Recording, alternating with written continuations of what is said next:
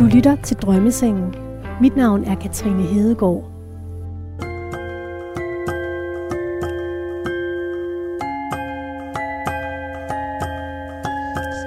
Så går vi med en meter imellem hinanden her, fordi vi er blevet linket sammen af det her Ja. radiosystem. I dag er overdirektør for Aller Media, Bettina Aller, min gæst her i Drømmesengen. Har du overhovedet et kontor inde på Aller? Ja, det har jeg. Ja. Og inde på mit kontor, der står der en totompæl, som jeg har hentet hjem fra Ny Guinea.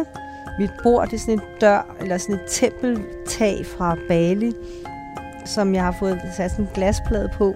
Jeg er spændt på at se, om hun kan genkende sig selv i den personlighedstest, hun har fået lavet. Ja, jeg tager nok lidt mere ferie, end man, end man må. Det gør jeg. Og så kan folk stå med løftede øjenbryn, eller synes, jeg gør for meget dit eller for lidt dat. Men jeg vil jo ikke ændre det, fordi herre og fru Frikadelle synes, at jeg lever forkert. Jeg tror kun, man har ét liv, og det har jeg tænkt mig at bruge 200 procent. Episoden har vi valgt at kalde, Jeg skulle have været Marco Polo. og programmet begynder her.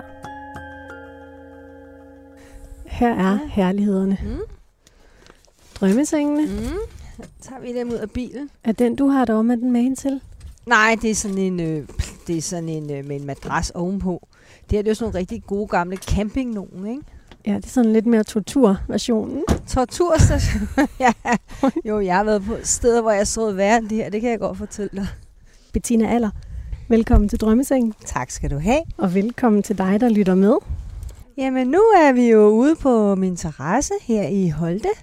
Og græsplænen er ikke nyslået, men det gør det jo heller ikke noget. Det er bare lidt hyggeligt med lidt mælkebøtter og en trampolin og fodboldmål og klatrestativ og gynger og rod og ukrudt. Ja, og sol. Og dig og mig. ja, men så skal vi se, om vi kan få klappet de her ud.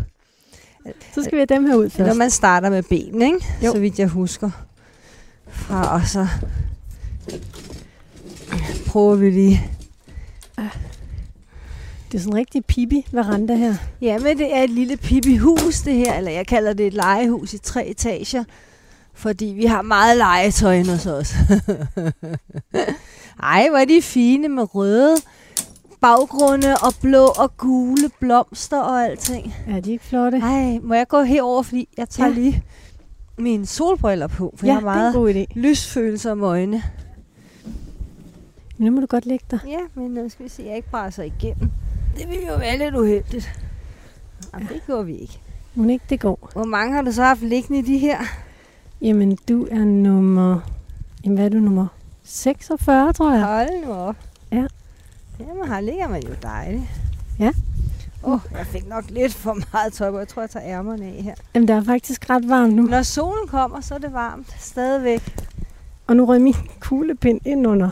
Nå, nå for Fyldt med pokker. Ja. Dernede, den er helt Kan du se dernede. den? Ja, men jeg kan ikke nå den. Jeg kan nå den. Ligger du tit sådan stille på sådan nogle drømmesenge? Nej, det kan man ikke lige påstå, jeg gør. det tænkte jeg nok. Så derfor er det skønt at få en hel time Ja, på din blomstrede drømmeseng.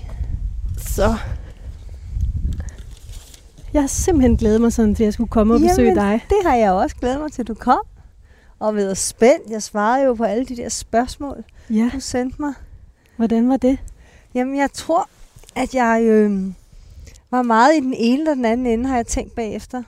Jeg tror ikke, jeg har sat mange krydser i midten. Enten var det sådan totalt uenig eller totalt enig. Jamen, det er rigtigt, at du har været meget ærlig. Ja, Altså, og, det var og meget ude i, øh, ude i kanterne. Ja. Ja. Enten eller. Ja, ja det er rigtigt. Altså, jeg vil lige præsentere dig lidt, Mm. så kan vi lige tale Ja. lidt mere om det der. Mm. Eventyr, overdirektør, bestyrelsesformand og medejer af Aller Media. 60 år i Ja. år. Det er rigtigt. Har siden 1995 sammen med kusine og fætter stået i spidsen for familievirksomheden Aller Media, Det er også rigtigt. der udgiver nogle af landets mest kendte blade og magasiner. Mm. Se og Hør, Femina, Billedbladet, Vi Unge og Familiejournalen, for Mhm. bare at nævne nogen. I Danmark, og så har vi jo i Sverige og Norge og Finland også. Det er jo helt vildt. For eksempel det i Finland hedder Seitseman päivä. Det betyder syv dage. Seitsemän er syv, og dage er päivä. Ja. Så jeg kan lidt finsk. så jeg kan sige, tervetuloa. Hold da fast. Ja, og kipis og kitos. Hvad betyder det? Velkommen, skål og tak. Rappellet fra allerbygningens tag og ind på direktionsgangen, da hun i 1995 satte sig i chefstolen. Dette for at manifestere, at hun er en eventyr med stort E. Første danske kvinde, der har gået på ski til Nordpolen, har flycertifikat, har glædet ned af Janse-floden Mm. i et traktordæk, dæk, Mm. ja. firede sig ned i aktive vulkaner, Mm. dræbt en isbjørn og været på seks Nordpols ekspeditioner. Ja. Men altså, du har svaret på de her 240 spørgsmål. Ja. Øhm, er du nervøs for det her interview? Nej, jeg glæder mig. Godt. Altså, det, det ændrer jo ikke min personlighed, og jeg blev ikke skudt, hvis jeg svarer forkert. Nej, Går jeg da ikke ud fra. Nej det gør du altså jeg så ikke, du havde nogen riffel med. Eller vandpistol. Hvem tror du, vi skal se? Vi skal jo kigge ind i dit selvbillede. Hvem er det, der dukker Mm. op? Ja, altså, jeg, jeg er jo meget eventyr. Og jeg er jo meget restløs. Og, øhm, og jeg er meget familiemenneske. Jeg er totalt krebs. Og jeg er ikke overtro, så det er jo noget mærkeligt noget at sige, at jeg er krebs. Fordi det er jo overtro. Altså fordi stjernerne står sådan, mener jeg bestemt ikke, man bliver på en speciel måde. Men jeg, jeg har meget det der med, at min familie skal være sammen med mig. Og, øhm, og så skal vi ud på eventyr. Og gerne sove i hængekøje, eller en drømmeseng, eller ude i naturen. Jeg er friluftsnarkoman. Og elsker mine veninder, og elsker pjatte, og er lige kommet hjem fra en skøn, skøn venindetur. Men krabsen, jo, det er jo et familiemenneske, men er, mm. er det Mm. ikke også, altså hvis vi taler stjernetegn, sådan mm. et stjernetegn, som har, har sådan en hård skal og meget blød inde, indeni? Øhm, altså, jeg er meget blød, men jeg gider egentlig ikke at gemme mig bag en skal mere. Jeg er meget let til tårer. Hvis jeg skal holde en tale for en af mine to store børn, så begynder de bare at grine, for de ved godt, at jeg bliver så rørt. Fordi jeg altså elsker dem så højt, så det bare kommer tårer og sådan nogle ting. Og ja, jeg er meget blød. Det skal vi dykke meget mere ned i nu. Mm. Det er jo sådan, du har svaret på de her 240 spørgsmål. Og så er der en psykolog, der hedder Charlotte Råby Jacobsen, mm. Der har analyseret din besvarelse. Ja. Og så har hun skrevet fem hypoteser, Okay. som sådan alle hver især fortæller noget om, hvordan du opfatter dig Ja, selv. ja. Og det første, vi skal tale om, det er emotionelle reaktioner. Mm. Det handler om, hvordan du reagerer på dine følelser. Ja. Kan du ikke prøve, nu er du en eventyr, Mm. Og jeg er gået i gang med at lytte til din bog og har også læst en masse om dig. Det er nogle Mhm. vanvittige ting, du har oplevet og set og mærket. Ja, jeg kan jo ikke lade være. Nej, Nej. kan du ikke sådan prøve, hvis du kan, prøve at beskrive et af de mest pressede øjeblikke, du har haft i dit liv? Jamen, det var helt 100% sikkert, da jeg lå alene op på øh, Nordpolen i et telt, for jeg ville gå fra Sibirien og ind til polpunktet, og det er, ja, det er cirka 1000 kilometer i fugleflugt, lidt mindre, 900 eller andet. Og så går man jo zigzag, du kan ikke bare gå lige på, så er der våger, så er der pakis og sådan nogle ting. Og så en, et par uger inde i min lille indmandsekspedition, så ligger jeg i mit lille røde telt, og jeg havde sat, sat sådan nogle isbjørne advarsler rundt om. Altså, det er sådan nogle skistave, hvor jeg havde sådan nogle snubleblus og en snor. Og hvis der så kommer en igennem snoren, så ryger der sådan nogle øh, hyl op fra den norske her, jeg havde fået dem. Problemet var bare, at den her isbjørn, den gik hen og lagde stangen ned ind mod teltet. Så der var jo ikke nogen snor, der gik af. Så den kommer ind, og så gør den sådan her på teltet, så jeg ligger bare, så ser den der, den Så der den tager poten op ovenover mig. Nej. Og så havde jeg snøret, jeg havde sådan tre, jeg var nede i tre soveposer uden lynlås, for lynlås det er en kuldebro. Og så der var bare sådan en snor snøret rundt om. Og så havde jeg åndet så meget der på den, så der var is, så jeg kunne ikke rigtig få den op. Og så får man jo bare nogle kræfter et eller andet sted fra. Så jeg rev bare den her op og kom ud af alle mine soveposer. Og nede under øh, liggeunderlaget havde jeg en Magnum 44 liggende, fordi den skal blive ved med at være kold. Ellers kommer der kondens i den, og så danner den is i, ligesom der var is på soveposen. Så den ligger så der nedenunder, og Bjørn blev ved med sådan at skubbe til teltet, ligesom sikkert undre, hvad det kan være. og så kravler jeg hen og åbner. Vi kan lave sådan her lynlås, lynlåslyd. Og derudfra, ikke mere end en meter fra, var sjov nok, der står bare sådan en kæmpe stor isbjørn, og så svinger den sådan hovedet fra den ene side til den anden side, og lugter og lugter, og jeg kan lugte dens ånde, og øh, den har sikkert været i gang med en sæl eller et eller andet, fordi den lugtede rødden ud af munden. Og gnistrende kridhvid af den jo. Den er simpelthen så smuk og så flot. Og jeg havde jeg skudt en ind året før, så jeg vil meget nødt skyde en igen. Så jeg tager selvfølgelig revolveren frem, og så skyder jeg et, et skud lige ved siden af det ene øre på den. Og så virer den sådan med hovedet, og, og jeg sådan lige snittet en lille bitte, bitte, bitte smule. Øh, og så virer den sådan med hovedet, og så vender den sig om, og så går den bare væk. Og i det der, de der, jeg ved ikke hvor længe tid, men den tidsperiode, der følte jeg bare, at jeg fik sådan en tunnelsyn, og det var kun mig og bjørnen, og der eksisterede ikke andet i hele verden. Og jeg var overhovedet ikke nervøs. Det var bare sådan, ja, men selvfølgelig møder man en isbjørn på Nordpolen. Og så da jeg fik den skudt, og den gik, så var det som om, åh, mit hjerte begyndte at banke. For jeg er overhovedet ikke jæger. Jeg har ikke engang skudt en gråsbur eller noget. Det, det var sådan et øjeblik, jeg tror, jeg aldrig glemmer. Til gengæld så gør det også, at i hvilken som helst situation, jeg står i, så tænker jeg bare, nå, altså, nå. ja, det må du nok Fordi sige. det kan forhåbentlig ikke blive værre. Og det giver mig også en ro at vide, jamen jeg blev ikke i altså jeg fik den her ro omkring mig, og det har jeg mærket flere gange, har jeg været i sådan nogle lidt vilde situationer. Og jeg får sådan en ro, og jeg føler, at jeg har altid i verden. Og så bagefter galopperer hjertet afsted. Det forklarer jo den her hypotese sådan virkelig godt. Nu tror mm-hmm. jeg, jeg mhm. læser den op for dig. Ja. Så kan vi tale lidt mere bagefter. Mm. Bettina er utrolig, eller Bettina er rolig og fattet. Der skal meget til at ryste hende, og hun hviler i høj grad i sig selv og sine evner til at håndtere det, der sker, selv når det er akavet, svært eller der er meget på spil. Hun bekymrer sig sjældent og har et yderst positiv og har en yderst positiv tilgang til tingene.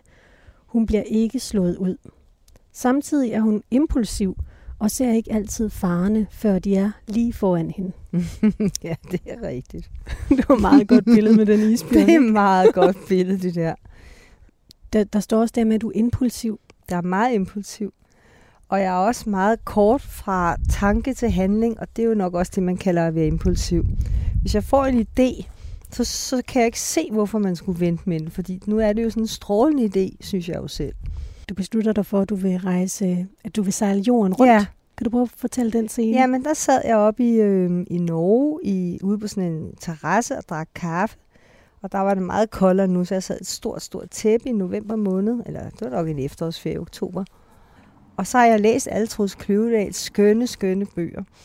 Og altid sådan har lyst til at sejle jorden rundt. Og så tænker jeg, men det kommer jo ikke bare pludselig til mig, og Troels spørger mig nok ikke lige pludselig, om jeg vil med jorden rundt. Så jeg må selv let rumpen fra, fra det. Og så gik jeg ind til frokosten, og så siger jeg, prøv at høre, venner, jeg har fået en idé, vi skal sejle jorden rundt. Og der er det jo det skønne med min mand. Han siger med det samme, jamen det kan vi da godt. Og så fik vi et dulighedstegn, og, øh, fordi ingen af os skulle sejle. Og så fandt jeg en båd, og, øh, og så skete der jo bare det, at, at jeg blev gravid det var fordi min mand, Jean Gabriel, han, øh, han har ingen børn, eller havde ingen børn, da jeg mødte ham. Og jeg havde to, og havde egentlig fået, hvad jeg gerne ville have, og var glad for dem, og ja, selvfølgelig. Og så tænkte jeg, ja, ja, hvad er chancen for, at jeg i min sene alder får børn? Jeg var 47 eller 46, da vi prøvede. Og første gang skete der jo heller ingenting. Og så stak jeg mig med nogle hormoner. Jeg havde læst, ja, ja, der er stadigvæk så få få chancer for det der. Og så fordi jeg var så ligeglad, så, så øhm, stak vi var vi med hormoner i fulde fart, og, og så pludselig så, siger jeg, så fandt jeg ud af, at jeg er gravid. Og, og så øhm, tager jeg den der prøve, så kommer jeg ind til scanning, så siger hun, ja, der er jo et lille hjerte der. Nå, siger jeg så, okay, den skulle jeg lige sluge. Nej, der sørger med to små. Hvad siger du, sagde så. Nu stopper, nu leder du ikke mere. Der er to små hjerter ja, ja. der. Og så ringer jeg til Charmel, så siger jeg, øh, at der er... Så sagde Charmel, du skal være far. Og han blev så glad. Og til tvillinger, og han følte, at han havde vundet i lotteriet. Han sprang rundt og hudede og var så glad. Og, De er jo sunde og raske begge to. Ja, nu er de 11 år, og så, øhm, da de så kom, så sagde folk, ja, nu kan I jo så ikke sejle jorden rundt. Så jeg hvorfor kan vi ikke det? men du kan da ikke med to babyer sejle jorden rundt. Så sagde jeg, det kan jeg da godt. Så, så sejlede vi rundt, og så fyldte de to år et eller andet sted over ja, øh, ved Panama-kanalen eller et eller andet. Så øh, man kan sagtens sejle jorden rundt med små børn. Du lytter til Drømmesengen på Radio 4. Min gæst er i dag dig, Bettina Aller. Ja. Vi ligger her på din pipi-veranda mm-hmm. og drikker kaffe. Det er så skønt. Det er så hyggeligt. Og små lamseskyer drøner hen over den blå, blå himmel. Ja. Vi er nået til det punkt, der hedder ekstroversion. Mm-hmm. Det handler om den mængde energi, du retter udad mod dine omgivelser og dit behov for at blive stimuleret udefra. Mm-hmm. Jeg har læst, at du blev mobbet som barn. Ja. Hvad var det, du blev mobbet med? At jeg havde rødt hår. Jeg havde rødt hår, og, øh, og øh, ja, altså vi skiftede skole en del gange, fordi mine forældre blev skilt, og vi har flyttet fra Sverige til Danmark, og, og jeg tror, jeg er gået på en fem skoler eller sådan noget. Og hver gang, din rødhårede abekat, har du brændt i tagterrassen og alle mulige ting. Men så var jeg heldigvis bumstærk, så jeg tævede dem og knaldede deres hoved ned i asfalten. og, så, og så blev jeg bare sådan en drengepige, der legede med alle drengene. Ja. Jeg har haft bandekrig mod dem op i Idals Vinge og tunet knaller og alt muligt ting. Du kommer jo fra en familie, som er, skiller sig ud fra de fleste familier, mm. fordi I har haft rigtig mange penge. Mm. En af Danmarks rigeste familier. Nej, det, det var vi ikke, men, men øh, vi, vi havde jo penge nok. Men jeg kan huske, at nogle af lærerne kunne nogle gange sige, kan din rige far ikke engang købe dig en lineal? Men der var min mor og far skilt, så vi boede i et rækkehus i noget, der hed Fasanving i Kokdal. Og jeg følte, jeg skænkede det ikke en tanke, at vi skulle være rige. Så jeg gik hjem til min mor og sagde, nu vil jeg have et par kassebukser. Det kan du da ikke få, sådan nogle gule kassebukser, der var meget smart dengang. Jo, fordi de siger nede i skolen, at vi er rige, så sagde min mor, jamen det er jeg ikke. Jeg er fraskilt, og du kan ikke få nogen kassebukser. Åh, så det kunne jeg ikke, så jeg kunne ikke rigtig... Så du var hjemme med din far, du var rig? Og ja, men han boede i en lejlighed, fordi i 70'erne gik det faktisk ikke så godt øhm, for firmaet, som det, som det gjorde tidligere og senere. Og så kom se og hør på sådan noget med nogle, nogle lotterier. Og så pludselig blev det enormt, så, så vendte det hele, men der var nogle år, hvor det ikke gik lige så godt, som det gik nu. Plus at min, det er sådan en lang historie, men min far, han arvede nogle A-aktier af min bedstemor, og der skulle han betale arveafgiften, og den var sindssygt høj, han skulle betale. Så hver eneste gang, han fik løn i 10 år, så var der kun meget lidt tilbage, for han ville gerne have banket den der gæld af. Så jeg kunne ikke forstå det op i mit hoved, at vi skulle være så rige, at jeg så ikke kunne få kassebukser og kunne få dit og kunne få dat. Og jeg bare var øh, i min optik fuldstændig ligesom alle de andre, gik på kommuneskole og øh, havde samme madpakker med og måtte selv gå og cykle i skole. Og så jeg mærkede det ikke rigtigt. Nej. Så i mange, mange år ville jeg slet ikke sige, at jeg hed alder, fordi det gad jeg ikke. Og jeg, jeg sagde, at jeg hed Simmermann, ligesom min mor hed. Fordi jeg, jeg ville gerne jeg var mig, og jeg ville ikke, egentlig ikke have noget med alt det der at gøre. Alder og øh, alt det der alder, øh, virksomheden og sådan nogle ting. I 95 blev du direktør, overdirektør ja. for Aller Media. Mm. Hvordan kan det være, at det var dig? Du har også en bror, der hedder Klaas, ikke? Jo, men Klaas kom også ind lidt senere. Han var halvandet år yngre end jeg. Han kom ind lidt senere, men øh, han fandt ud af, at det var slet ikke noget for ham. Det var ikke hans hylde i livet. Han, øh, Nej, så nu er han, nu lever han mere sådan, han har, han har heller ikke fået familie og børn. Han er sådan en øh, luksusvagabund. Han, han har et restløst sind. Og så bor han lidt i Thailand, så bor han lidt i Spanien, nu bor han lidt i Danmark. Øh, så bor han på Fanø. Han er meget sporty og dyrker en masse sport og kitesurfing og wakeboarding. Og, og så er der blevet lavet en fond nu med de der aktier så jeg ikke også skal betale arveafgift på de aktier Og ind i den fond, den fond kan så uddele blandt andet nogle penge til unge mennesker, der er ude og studere i verden, det grafiske fag, og så kan de også give nogle til descendenternes arvinger. Så min bror han får nogle penge hvert år, så han bare kan rejse rundt og, og, og, og nyde sit liv uden at skulle arbejde. Så sidder han i nogle af bestyrelserne. Ja, det er da sweet. Ja. Kunne du ikke også tænke dig den model? Nej, jeg er faktisk rigtig glad for mit liv, sådan som det er. Men Ja, ja, jeg hvorfor, kan- hvorfor jeg- rejser du ikke 100 procent? Er det ikke det, du allerhelst vil? Nej, jeg kan Ah. godt lide at have min basecamp. Altså, jeg kan jo ikke bestige bjerge hele tiden. Jeg kan også godt lide at have basecampen her i orden, og, og her kan jeg elsker jeg at være og finde ro. Og jeg tror også for, at, når man er meget ude med veninder, eller på, med, med mit arbejde og sådan nogle ting, så giver man jo meget med stor glæde og griner og er meget social. Og så har jeg også brug for bare nogle gange at sidde inde i sofahjørnet derinde, Mm. uden nogen taler til mig. Bare helt stille, spise lidt chokolade, drikke et glas saftevand, og så bare sidde der eller en kop kaffe, og så bare sidde, eller nogle skumfiduser. Jeg kan godt lide slik. Eller et glas hvidvin? Ja, et glas hvidvin i weekenden. Og så bare sidde der og slappe af. Det kan jeg godt lide. Og det er brug for. Jeg kunne ikke, jeg, man kan jo ikke leve i, i, i femte gear hele tiden. Man skal også lidt ned, ned i neutral og bare være. Jeg er simpelthen nødt til at være her med min mor, bor lige over i det hus lige over gaden. Mm. Og onkel Ulrik, som er min bedste ven, også min bror for mig, han bor lige dernede for enden af gaden. Og mine veninder bor sådan i cykelafstand. Og jamen, det er min basecamp. Jeg har alt, jeg behøver her i hele verden. Og jeg behøver ikke et kæmpe hus ud til Fursøen. Eller jeg har mit gule Pippi Langstrømpe hus, der er lavet af træ. Og ja, jeg elsker det her hus. mm. Hvad øh, er du for en direktør? Hvordan opleves du som leder? Festlig, tror jeg. øh, altså, jeg, jeg, kan jo, jeg er jo meget interesseret i mennesker, og jeg er ikke særlig interesseret i budgetter og tal. Der har vi en øh, regnskabschef, der står for. Hvad står du Regnskabsdirektør. for? Jamen, vi, jeg er bestyrelsesformand i Danmark, og så er min kusine bestyrelsesformand i Sverige, og Erik er bestyrelsesformand i Norge og Finland. Og så sidder jeg i direktionen for Aller AS, altså holdingselskabet, hvor vi så hver tår med onsdag har direktionsmøder. Har du et, et travlt arbejdsliv, eller er det sådan... Det har været meget travlt, men nu har jeg tilladt mig her, når jeg er 60 år, at sige, at jeg kommer kun ind, når der er møder. Mm. Øh, Så det er ikke 37 timer, du Mhm. arbejder? Nej, jeg har aldrig arbejdet sådan. Jo, da jeg startede, der kom jeg klokken 8 og gik klokken 4. Og, men der var jo heller ikke computer, man kunne ikke lave så meget hjemmefra.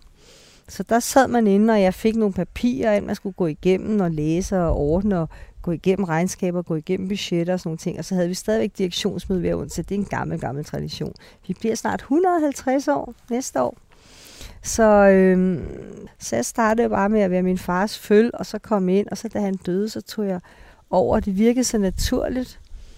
Og selvfølgelig har jeg uddannet mig inden for økonomi og sådan noget, men øhm, Så du, ja, det var jo nemlig også det. Hvad er du uddannet? jamen, jeg er uddannet for, altså jeg har en bachelor i øh, økonomi op fra Stockholm, og så er jeg uddannet, eller også har en øh, layout-eksamen, for jeg kan godt lide at være kreativ og tegne og sådan noget. Mm.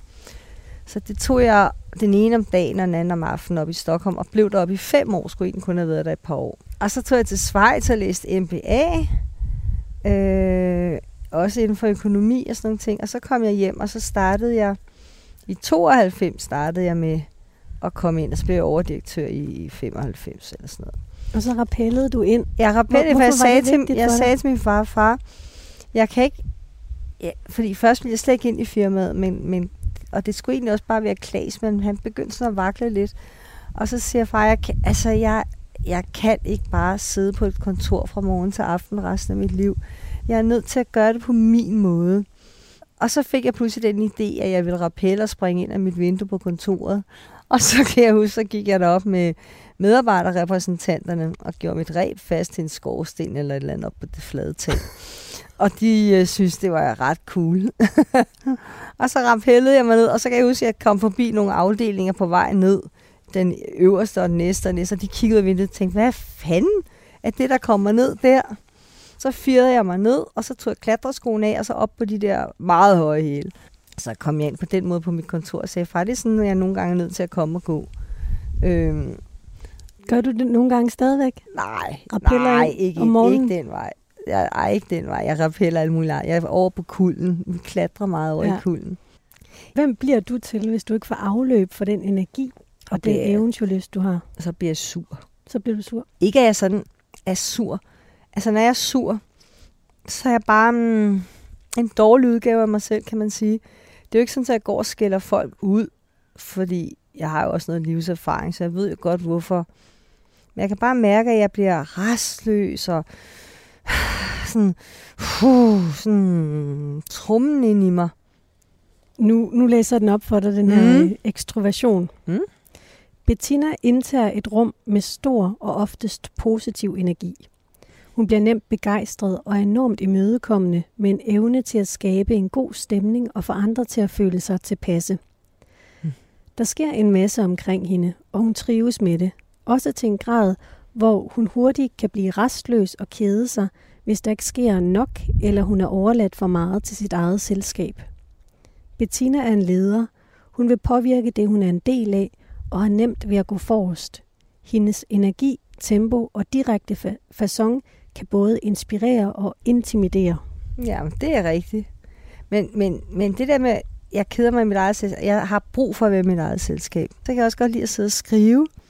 Og så når jeg har været med mine veninder, vi har lige været i Frankrig sammen, vi er seks veninder, vi er syv, vi plejer at være ti, men Charlotte Bøving, hun er over på en eller anden ø, og mm, en er overleve.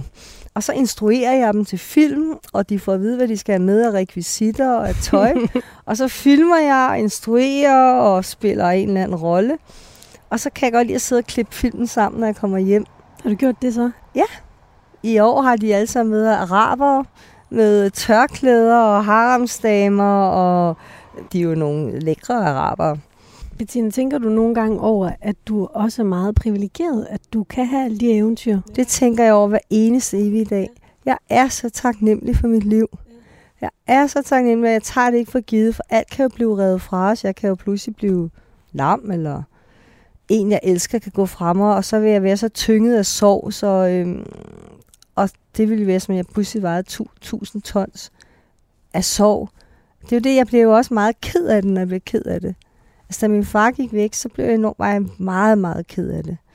Øhm, og min mor er 83, og hun skal bare leve for evigt, men altså, hun har noget kræft og nogle ting, og altså, ja, sådan det er jo også en del af livet. Øhm. Hvor meget, altså, det at du har penge, mm. at du, du er vel rig? Ja, det er jeg vel.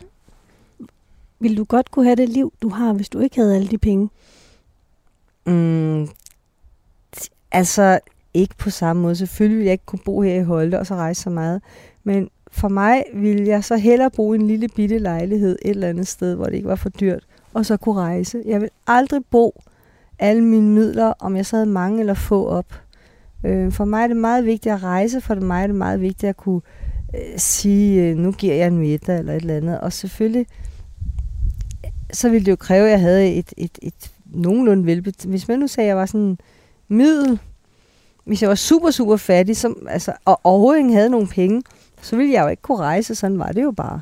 Og hvem ville du så være blevet? Så ville jeg måske være blevet rejseleder og, og leve af det, men så kunne jeg bare ikke have børn, for jeg kan ikke forlade børn sådan hele tiden. Men hvad hvis du havde fire børn og ingen penge? Ja, så måtte jeg jo leve anderledes. Så måtte jeg jo finde glæde i mine børn, og så må jeg sige, så kører vi telt, og så cykler vi ud og overnatter i telt. For mig er det bare egentlig vigtigt, at vi er sammen. Og nogle gange, det siger jeg også til min mand, så siger det jo egentlig lige meget, hvor vi tager bare vi er sammen. Så vil jeg cykle til, cykle til Bornholm igennem Sverige, og så cykle over, og så tage telt med, og øh, sove nede i, ude i øh, skoven derude, eller cykle til Sverige, op igennem Sverige, og sove og lege en kano og sådan nogle ting. Det er jo, det er jo lige så fedt. Jeg behøver jo ikke altid at skudde så langt væk. Men for mig er det bare vigtigt at sove under åben himmel.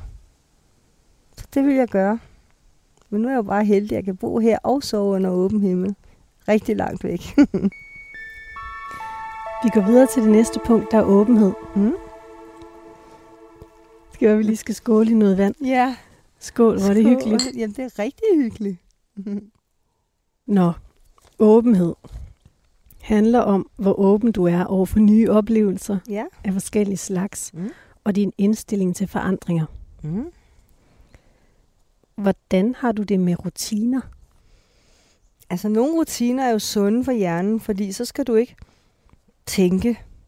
Og det er også det, at, at der gør, at hvis du har nogle gode rutiner, øhm, så kan du bruge den hjernefunktion, du har til overs, som så er stor, på alle mulige gode idéer. Hvis man nu hele tiden gør noget nyt, og hele tiden går forskellige veje, hele tiden spiser noget forskelligt, og hele tiden skal ned og vælge noget helt forskelligt i Kvickly, eller hvor man nu køber ind, så bruger du meget af din hjerne på det, så jeg tror, at rutiner er vigtige. Øhm, men jeg vil også sige, når jeg så har levet et stykke tid i de der rutiner, og, og nærmest kan dem uden overhovedet at tænke, så er det min... Jeg har jo alt den her plads op i hjernen til at finde gode nye idéer. Og det er jo nogen, der kalder det restløshed. Jeg kalder det jo bare smart. Det er jo bare smart, at man har det sådan, fordi så sker der jo noget. Og når man så sætter ting i gang, øhm, jeg er også meget i gangsættende. Det kan jeg også se, det meget at sige, nu skal vi filme, nu skal vi det ene og det andet. Altså, øhm, ja, jeg får mange idéer. Fyldt med men, idéer. men altså, jeg vil så sige, det er ikke altid mine veninder synes, mine idéer er lige gode. Så nogle gange kan de godt finde på at skælde mig lidt ud og sige, ej Bettina, det gør vi simpelthen ikke. Nu skal I være arabere. ja. Så sidder jeg her og kigger på og filmer Jeg er også araber. Lav mig et show. er der nogle gange nogen i dit firma, der, der kan synes, du er for meget?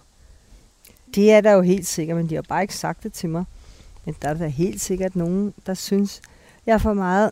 øhm, men det er jo også nok i løbet af et helt liv, selvfølgelig er der mange, der synes, for eksempel er der mange, der synes, hvordan kan du som mor tage op på Nordpolen og udsætte dig selv for den fare? Men jeg vurderer faren anderledes end andre vurderer den, og jeg, og for det første er det jo mit liv, så jeg gør jo også det, mm. jeg føler er rigtigt, øhm, og, og sikkert, rimelig sikkert i hvert fald. Og, og så selvfølgelig har jeg valgt veninder og venner efter nogen, der gider at lege. Jeg har jo ikke sådan nogen, som sidder og siger, ej, det gider vi ikke. Ej, Mm. det gider vi ikke. Skal vi ikke hellere strikke? Alle dine veninder der, er I alle sammen rige? Nej. Det er vi ikke. Den ene, hun sidder i en reception et sted. Og Malene, hun, har, hun arbejder ikke. Hun går hjemme med børnene, og der er faktisk ikke nogen af dem, der er rige. Er det så dig, der altid betaler det hele? Nej, så putter vi 100 euro i pungen hver. Men de prioriterer at komme med, så det er det, de sparer op til. Øhm, så putter man det i pungen, og når den så er tom, så putter vi 50 euro til, og så betaler pungen, og så køber vi, vi finder altid, hvis vi køber flybilletterne et år før, kan man finde nogle til 1000 kroner. Og så har jeg et hus dernede, vi kan bo i, men det er jo gratis. Øhm, Det er et, du har arvet fra din ja, far. fra ikke? min far jo. Ja. Mm. Så, øhm, så nej, det er de ikke. Prøv lige at fortælle mig lidt mere om, hvordan der ser ud inde i dit univers. I mit univers, der er mange farver. Øhm, og i mit univers, ja, der er jo mine børn, står allerstørst. Og, og øh, så er naturen fylder rigtig meget. Og min mand, min mand, vi har været sammen i 20 år. Og jeg synes stadigvæk, han er meget lækker mand. Og vi klatrer sammen, vi leger sammen, vi kan snakke sammen. Øh, vi går tit ud og får et frokost sammen, hvis det er, han er hjemme, og jeg ikke er bare inde på firmaet. Og sidder bare og snakker. Og mine veninder, som du nok har forstået, og min lille mor derovre, og onkel Ulrik, og det er mennesker. I mit univers er der mennesker. Og naturen. Hvorfor er du her i verden? Fordi min mor og far har født mig. Så det er sådan en meget naturvidenskabelig tilgang. Det er ikke sådan, du tænker, du har en skæbne eller et eller andet, du skal. Nej. udrette. Eller... Jeg tror jo ikke, jeg tror ikke på andet end videnskab og kærligheden.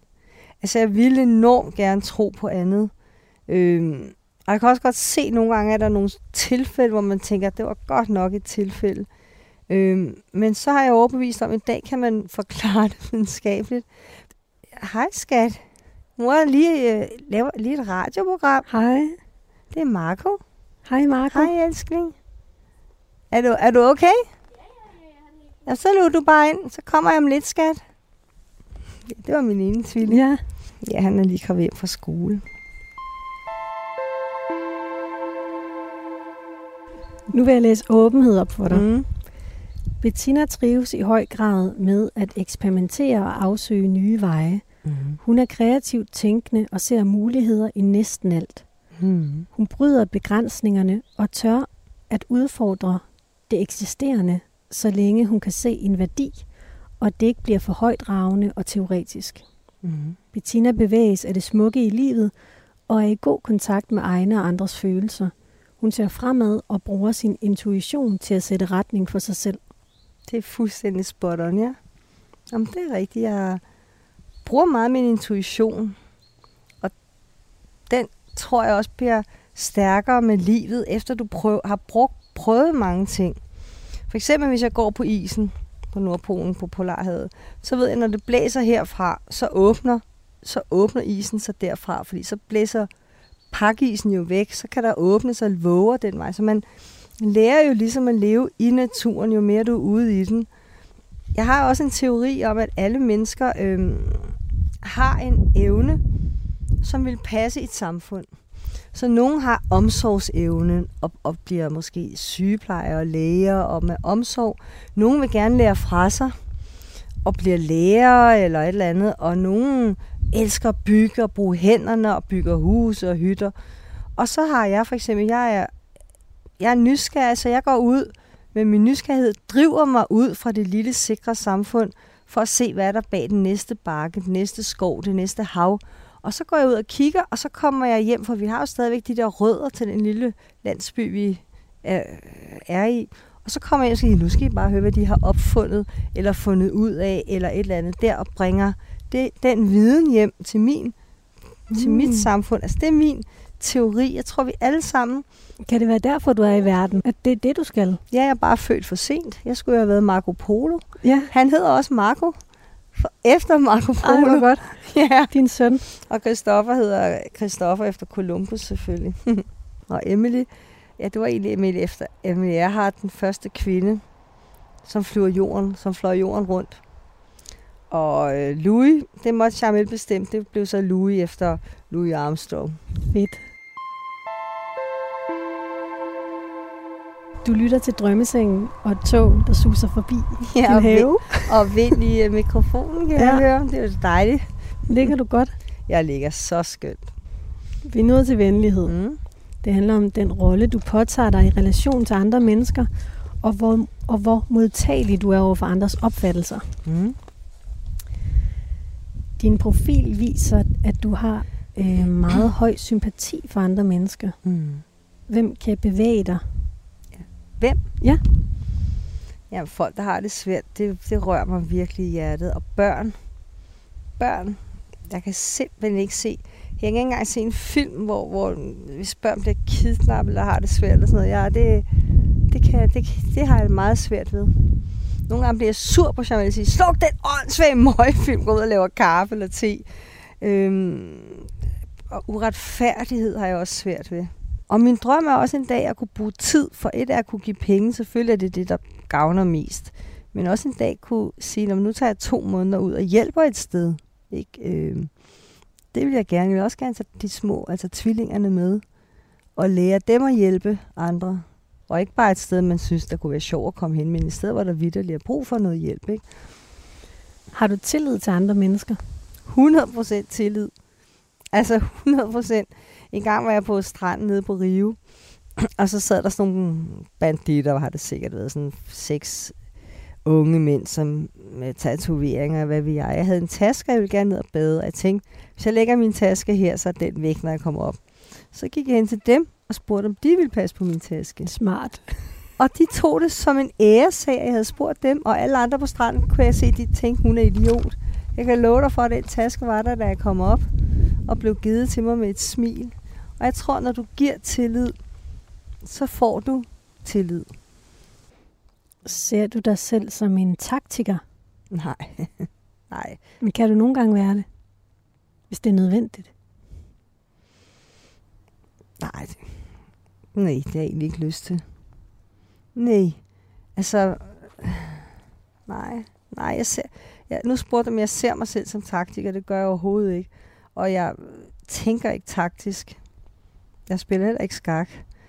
Jeg tænker nok kun et, et slag, et uh, træk frem ad gangen. Og det har bragt mig mange sjove steder hen i livet. Det så jeg har sige. faktisk ikke lyst til at være taktisk og tænke 10. Fordi så begynder du, hvad nu hvis? Og ved du hvad, sådan gider jeg ikke at tænke. Nu læser jeg den op for dig. Mm. Venlighed. Mm. Bettina har et stort hjerte og bliver nemt bevæget, når andre har det svært, Mm. hvilket ofte fører til tilbud om hjælp og støtte. Bettina har stor tiltro til andre og har nemt ved både at vise og skabe tillid. Hun søger samarbejde og de gode relationer, men værner samtidig om egne interesser og står ved, hvad hun kan og vil. Hun er taktisk bevidst og kan navigere i mange situationer og relationer. Okay. Så er jeg taktisk, men øhm, altså... Det har du i hvert fald svaret jo. Okay. ja, men... Det kom øhm, frem. Ja, så... Men der står Ja. også, at det ikke er en bevidst præference for det for er dig, ikke men du bruger det, når det er nødvendigt. Ja, det kan da godt være. Det, det er faktisk ikke noget, jeg har sådan tænkt på. Men resten tænker jeg på, at jeg, jeg er, bliver meget bevæget af andre mennesker, og hvis de fortæller en historie, kan jeg få gåsehud og elsker at møde nye mennesker, der har en spændende historie, og som byder på sig selv. Ikke bare nogen, der sidder og fortæller om, hvor mange biler de har i garagen, fordi det rager mig en høstblomst. Det gør det vidderligt. Der står det her med, at øh, du værner om egne interesser og står ved, hvad du kan og vil. Mm.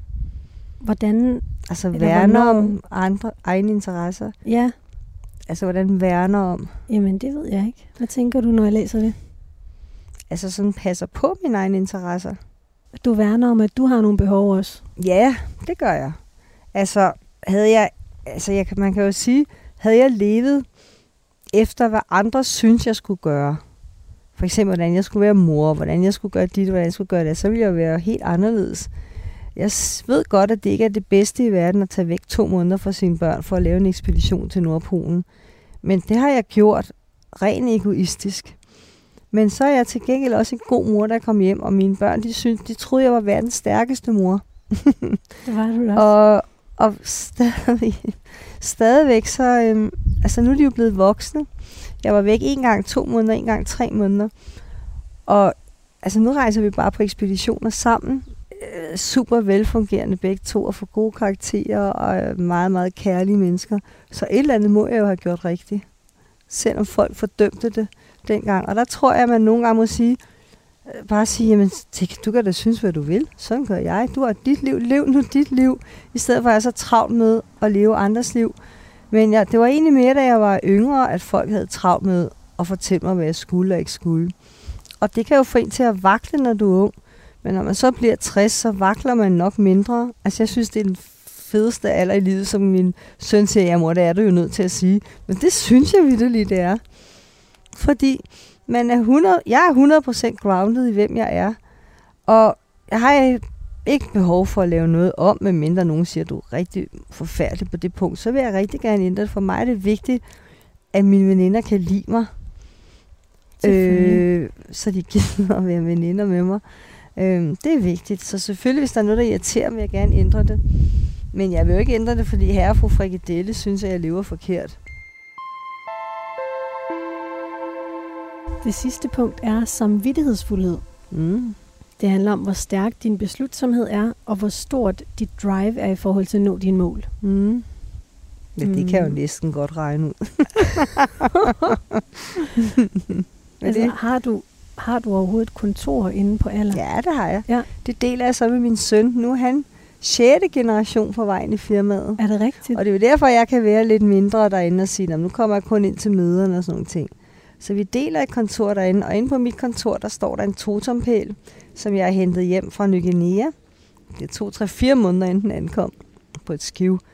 Mit bord, det er sådan en dør, eller sådan et tempeltag fra Bali, som jeg har fået sat sådan en glasplade på. Så jeg har hele verden derinde. jeg kan huske første gang, jeg var i Paris nede hos Jean Gabriel, da jeg lige havde mødt ham. Så gik vi op og ned i Paris, og sagde han, The whole world is in Paris. Og hvis vi ville spise falafel, så gik vi ned i det kvarter. Hvis vi ville spise øh, der, der var Afrika, der var Ki- Kina, der var hele verden er samlet. Øh, Og det er jo det, der gør det til sådan en rig, fantastisk, spændende by. Der synes jeg for eksempel, at man godt kan være lidt mere imødekommende i København og i Danmark, og åbne verden og være nysgerrig. Fordi ja. det er også sindssygt spændende, det, det du fortæller der, men det var lidt noget af et tidsspor. Jeg er altid noget et tidsspor. Jeg har læst, at øh, du forestiller dig, at det er lidt sådan en teaterforestilling, når du går på arbejde. Ah, Okay, det er ikke egne ord. Okay. Nej, det synes jeg ikke, det er. Når jeg kører op i elevatoren, så glæder jeg mig til at se Anne og Dorte, de to sekretærer. Og jeg glæder mig til at se min fætter Erik og kan tænke, det er som min bror og en søster for mig. Vi var også sammen i lørdags. Øhm, jeg holder sindssygt meget af og der er vi jo bare heldige, at vi har det så godt sammen. Og vi holder så meget af at være sammen, og jeg kan næsten dufte kaffen, når jeg kommer op, og så går jeg ud. Der er inde på firmaet har jeg jo høje hæle og en lille nederdel og sådan meget nydeligt tøj på. Og så øhm, kommer jeg ind og får min kaffe og tager mine papirer og siger hej og hører, hvordan det går, og hvordan Anna og Dorte har det og sådan nogle ting. Og så går jeg ind til et møde, og så sidder vi, og så bruger vi de første, fordi vi er jo en familievirksomhed, så det første kvarter, det går bare med at skvadre. Og så begynder så siger vores øh, økonomidirektør morgen, så siger han, vi skal også lige, vi har også lige en dagsorden over, ja, det har vi også, og så går vi i gang med dagsordenen. Nej, jeg elsker mit job, jeg elsker mit liv, jeg elsker mit job. Men det kan da også være lidt kedeligt, de der møder, kan det Nej. ikke det? Nej. Nej, tænk hvis du skulle holde møde med nogen, du holder rigtig meget af, og, og vi er jo opdraget helt ens. Og pas på den her virksomhed, så vi kan give den videre til næste generation.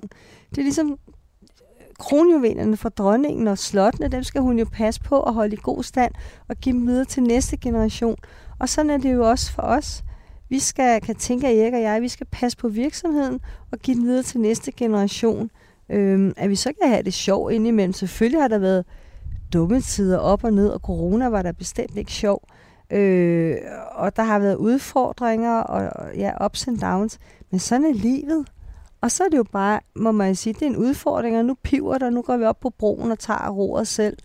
Og så er det jo ikke altid, der er lige mange deroppe i storm og orkan, men nogen står der, og det er dem, man kan stole på. Og det ved man jo, hvem er. Hvordan balancerer du dit ansvar som overdirektør med alle de eventyr, du gerne vil opleve? Ja, der hiver jeg jo nok lidt i halen, det skal jeg da være ærlig at sige. Hvad mener du Fordi- med det? Ja, jeg tager nok lidt mere ferie, end man, end man må. Men nu er det ikke sådan, at jeg har en kontrakt, hvor der står, hvor meget ferie jeg må have. Men øh, jeg trækker også børnenes skoleferier lige lidt i halen i begge ender. Øh, og det er jo det der igen med, at jeg rappellede mig ned af muren, og jeg rappeller mig ned af livet. Og øh, ja, jeg, jeg tager mere ferie end,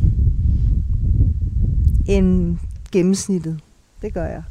Og rejser og oplever. Og jeg tror kun, man har et liv. Og det har jeg tænkt mig at bruge 200 procent. Og så kan folk stå med løftet øjenbryn, eller synes, jeg gør for meget dit, eller for lidt dat. det kan jeg jo ikke gøre. Ja, det kan jeg godt gøre noget ved, men jeg har ikke tænkt mig at gøre noget ved det. Jeg læste et sted, at øh, når du har den position, du har altså som Mhm. overdirektør, så kan du faktisk ikke blive fyret, medmindre du bliver decideret tosset Eller stjæler. eller stjæler. Mm. Mm. Men, men omvendt kan du heller ikke sige op.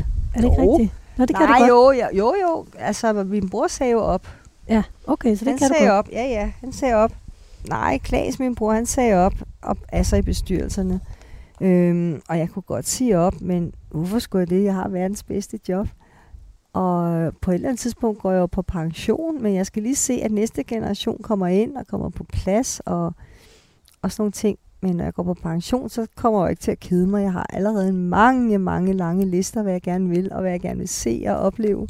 Men så længe Marco og Louis, nu går de i femte, så længe de går i skolen, så skal jeg jo være her hos dem. Vi har en au pair, men hun gør rent og, og, og vasker. Det er jo vidunderligt, og der er jo også heldig igen, at vi kan have det. Men det er jo altid mig, der ligger i min seng. Og hvis jeg er væk, fordi jeg er til bestyrelsesmøde i Finland eller Norge, så kommer onkel Ulrik eller min mor over. Min regel er, at der er en, der elsker dem, der skal kysse dem godnat og læse for dem hver eneste nat i hele, så længe de bor her. Og det har der altid været. De er aldrig bare blevet puttet af en au pair. Og min mor og Ulrik, de kæmper næsten om, hvem der skal over og putte og læse. så der er jeg jo også heldig. Men jeg er bare heldig. Det er du. Jeg er født under en heldig stjerne. Nu læser jeg samvittighedsfuldhed op for dig. Ja. Det sidste punkt. Mm. Bettina har styr på tingene og går målrettet efter det, hun vil opnå. Hvis hun først har sat sig et mål, Mm-hmm. kan hun være utroligt vedholdende, men energien fastholdes bedst, hvis det, hun gør, er præget af lyst frem for pligt. Ja, det er helt sikkert. Bettina er bevidst om, hvad hun kan og ikke kan, og trives bedst med en vis handlefrihed og muligheder for at gå efter det, som er vigtigt for hende. Mm-hmm. Det kan du godt genkende. Det kan jeg sagtens genkende. Ja. Hvad vil du gerne lykkes med? Jeg vil allerhelst gerne have at vide, at jeg er en god mor. Og jeg ved faktisk, at jeg er en god mor. Og det er jo også... Øhm, det er fordi, det kan, vi elsker hinanden meget højt. Og Marco og Louis, normalt så kommer han jo op og kysser mig, når han kommer hjem. Nu synes han lige, at vi lå her på drømmeseng. Det var måske lidt grænseoverskridende. Men øh, vi, vi, meget, vi kysser meget i vores familie, og krammer og, og sådan nogle ting, og sidder tæt sammen, og, og, og det er det, jeg allerhelst vil lykkes med. Og så vil jeg også gerne se hele verden. Og så vil jeg gerne bestige Carstens pyramide på Ny Guinea. Og så vil jeg gerne øh, rejse ned i det sydlige Sydamerika. Og jeg vil også gerne øh, vandre i, øh, hvad hedder det, Bhutan. Op og se den der Tigers Nest, det der. Og der er mange steder, jeg gerne vil besøge. Så vil jeg gerne blive bedre til fransk. Når nu hele min svigerfamilie taler fransk. Altså, jeg kan godt tale, jeg kan forstå alt, og jeg kan også sige, hvad jeg gerne vil, men, men øh, grammatikken er, er jo ikke spor god. Så vil jeg gerne være en god veninde. Så vil jeg gerne være en god datter. Og nogle gange er jo også det, at der er så mange ting, man gerne vil. Jeg vil også gerne være en, en ordentligt menneske, også inde på mit arbejde. Og når man vil så meget gerne, så kan man jo også nogle gange blive stresset. Jeg har jo også været stresset. Øhm, sådan så man nærmest, når nogen beder om, et, et, om man skal ses, eller et møde, eller sådan et eller andet, hvor jeg nærmest begynder at svede, fordi bare jeg rører min kalender. Der har jeg været. Ikke at jeg er gået ned med stress, eller søgt hjælp for det, men, men så har jeg måttet gå nogle lange ture, og tage nogle gode snakke med Ulrik, min gode ven, og min onkel. Og han er god til ligesom at få sat ting i perspektiv, fordi når du bliver stresset, så bliver du jo også sådan lukket ind nærmest i sådan nogle øh, klapper, så man kun ser alt det, der fylder. Og hvor han ligesom er god til at sprede det ud og sige, så drop det og drop det. Jeg, min fejl er nok, at jeg siger ja til for meget, for jeg vil jo det hele. Men en flødeskumskage smager godt, men hvis du skal spise 10, så får man jo kvalme af den tiende. Og nogle gange siger jeg simpelthen ja til for meget. Der skal jeg lære at sige, tusind tak, fordi du spurgte mig nej tak. Fordi ellers så er jeg ikke 100% til stede i alle de ting, jeg også gerne vil. Og så gør jeg lidt af 10 ting, så vil jeg hellere gøre meget af tre ting, og være 100% til stede i de tre ting. Og det er noget, jeg øver mig på. Det er noget, jeg gerne vil være god til. Vi er kommet igennem dagens program. Nå, det var da ærgerligt.